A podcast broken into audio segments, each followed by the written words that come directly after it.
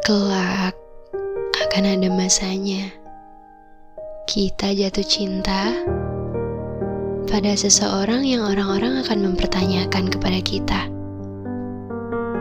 "Kenapa dia?" atau "Kenapa bukan yang lain?" Dan masih banyak pertanyaan lainnya yang pada akhirnya tidak menemukan jawabannya. Karena yang biasa kita lakukan hanyalah tersenyum. Bingung juga harus jawab apa. iya kan?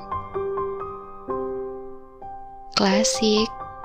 Tapi jawaban seperti ini akan banyak didengar oleh telinga-telinga.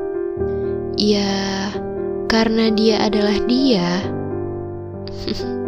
Tapi sebenarnya dalam hati lebih dari itu. Dan setelah bertemu dengan dia, kita seperti telah menemukan jalan menuju pulang. Bahkan ketika dunia terasa sangat pelik, berbagi isi kepala dengan dia adalah hal yang sangat menenangkan. Di antara hiruk pikuknya perdebatan manusia, ternyata masih ada orang yang tidak mempermasalahkan banyak hal dan pada akhirnya orang itu menyediakan kita jalan pulang menuju rumah. Ibu pernah bilang, "Temanilah yang juga menemani langkahmu." Sebab kalau kau akan tahu bagaimana sulitnya mendaki puncak bersama. Namun tetap dia yang menemani kita hingga turun.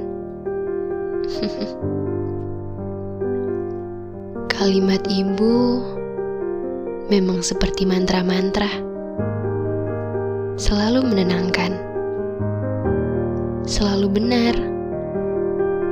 Kadang jika tidak menjadi kenyataan sekarang,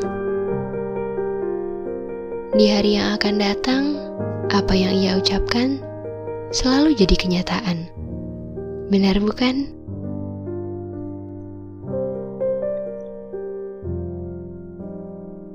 Dan saat kita berada di masa sulit, dia tidak pernah bertanya apa yang sedang terjadi dan kenapa itu bisa terjadi.